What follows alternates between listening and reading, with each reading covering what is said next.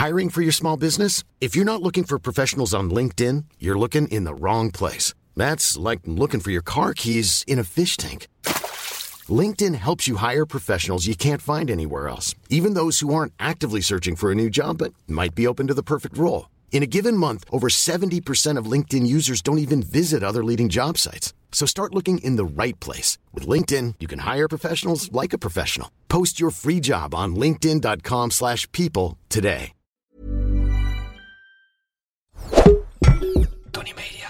Het is oorlog in Europa.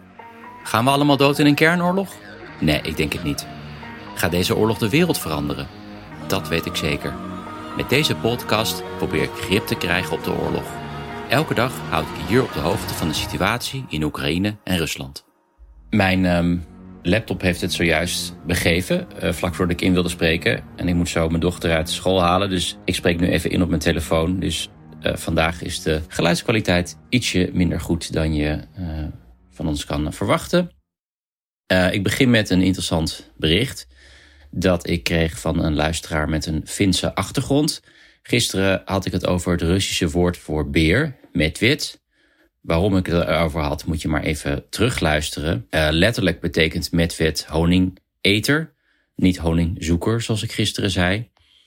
En die luisteraar die meldde dat in het Fins ook heel veel verschillende woorden voor beer zijn, zoals Gouden Koning of gewoon hem. En hij gaf als reden dat de echte naam van de beer een soort taboe is. Want als je die naam uitspreekt, dan komt de beer op je af. Um, en ik heb nog even erin zitten graven. En dat is, dat is ook de reden waarom in het dus een honingeter heet. Ook in de Baltische talen heb je dat.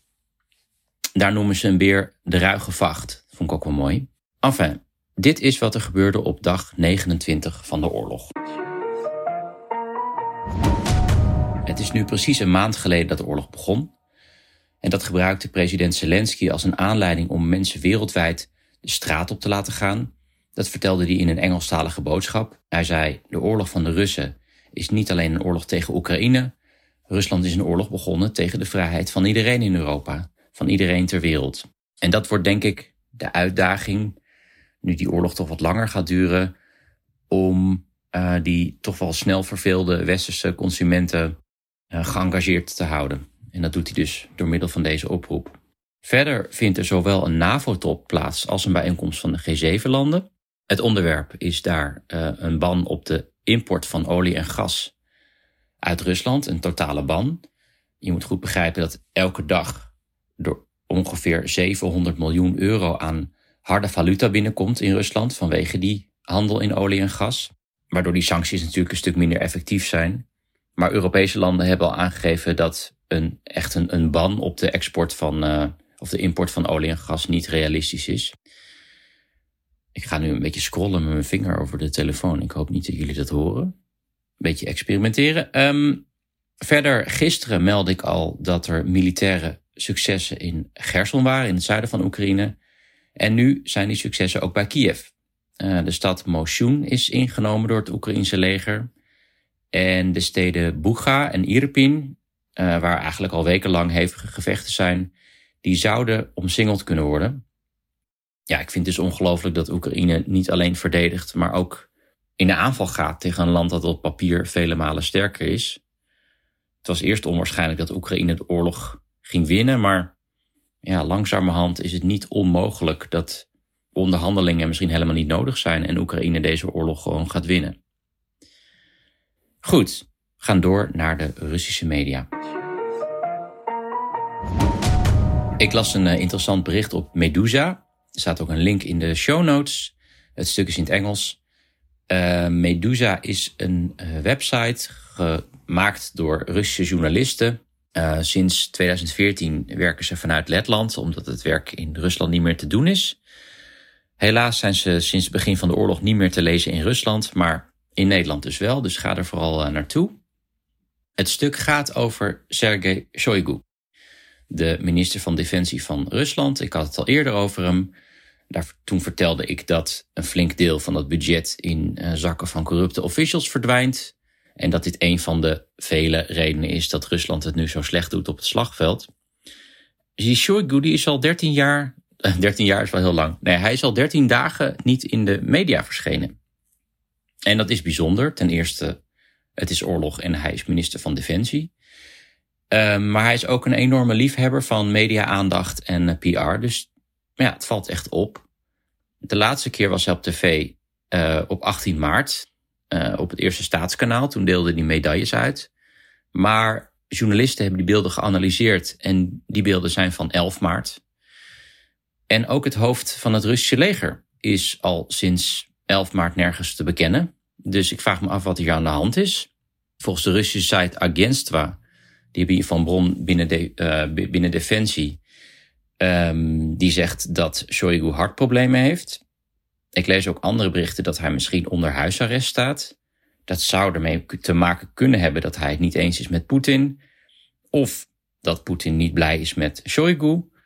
Um, en ik denk, misschien moet ze ook even in de dacha, het buitenhuis van Shoigu, kijken. Want ik moest denken aan Stalin, uh, aan het begin van Barbarossa. Dus toen Hitler Rusland binnenviel, of de Sovjet-Unie binnenviel, na de inname van Minsk, is Stalin uh, naar zijn dacha gegaan. Heeft zich twee dagen daar teruggetrokken. Heeft het gewoon op een zuipen gezet. En na twee dagen klopte um, ja, uh, wat leden van zijn politbureau op de deur.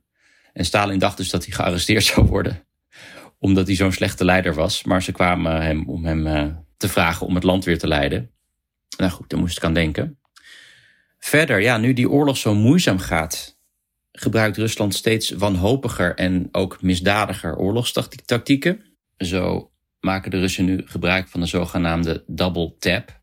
Een uh, techniek die ze, of techniek, gewoon een misdadige strategie die ze in Syrië ook gebruiken. Namelijk eerst een bom gooien op burgers en dan tijdens de bergingswerkzaamheden op diezelfde plek nog een bom gooien. Um, op deze manier kwam gisteren de journalist Aksana Baulina om het leven. Zij werkte voor The Insider. Dat is nog zo'n Russisch-talige journalistieke site die in Letland zit. Zij filmde de ravage na een bombardement van een winkelcentrum in Kiev. En toen ze aan het filmen was, viel er dus nog een bom. En Baulina was betrokken bij Coda Story, en dat is een hele mooie en belangrijke website met getuigenissen van mensen die de uh, gulag hebben meegemaakt. En je moet goed begrijpen dat die horror van die gulagkampen door Poetin al jarenlang wordt weggewist. Dat is ook geen wonder natuurlijk. Hij is een ex-KGB-man.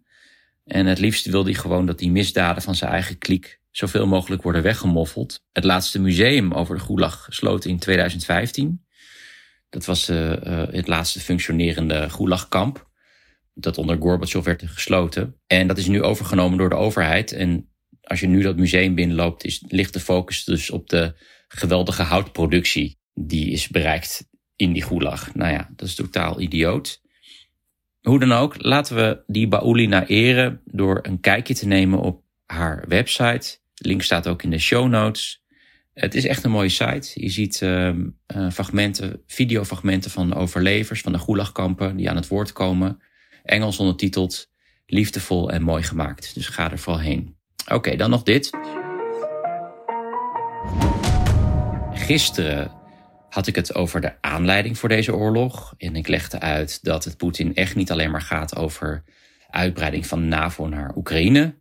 Maar dat het ook gaat over zijn bevriende oligarch Medvedchuk die was opgepakt door uh, Zelensky. Dat heb ik gisteren uitgelegd. En ik merk dat er toch wel wat weerstand was bij sommige luisteraars. En dat snap ik, want dag in dag uit krijgt de NAVO de schuld. Maar ik denk dat dat precies is wat Poetin wil.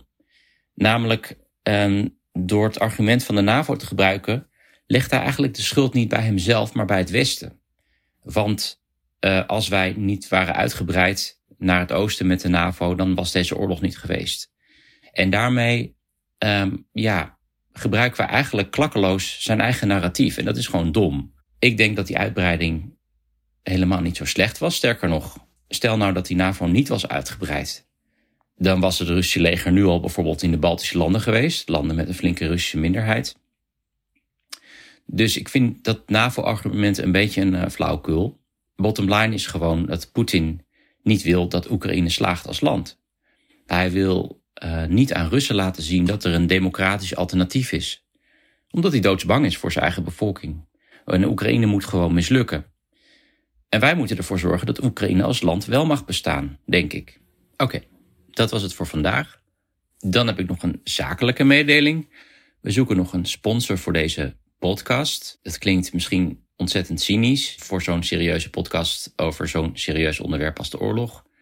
Maar goed, een krant is uiteindelijk ook niet gratis natuurlijk. Ik steek er heel veel tijd in, maar er werken ook bijvoorbeeld technici die alles in elkaar moeten zetten en die kosten ook geld.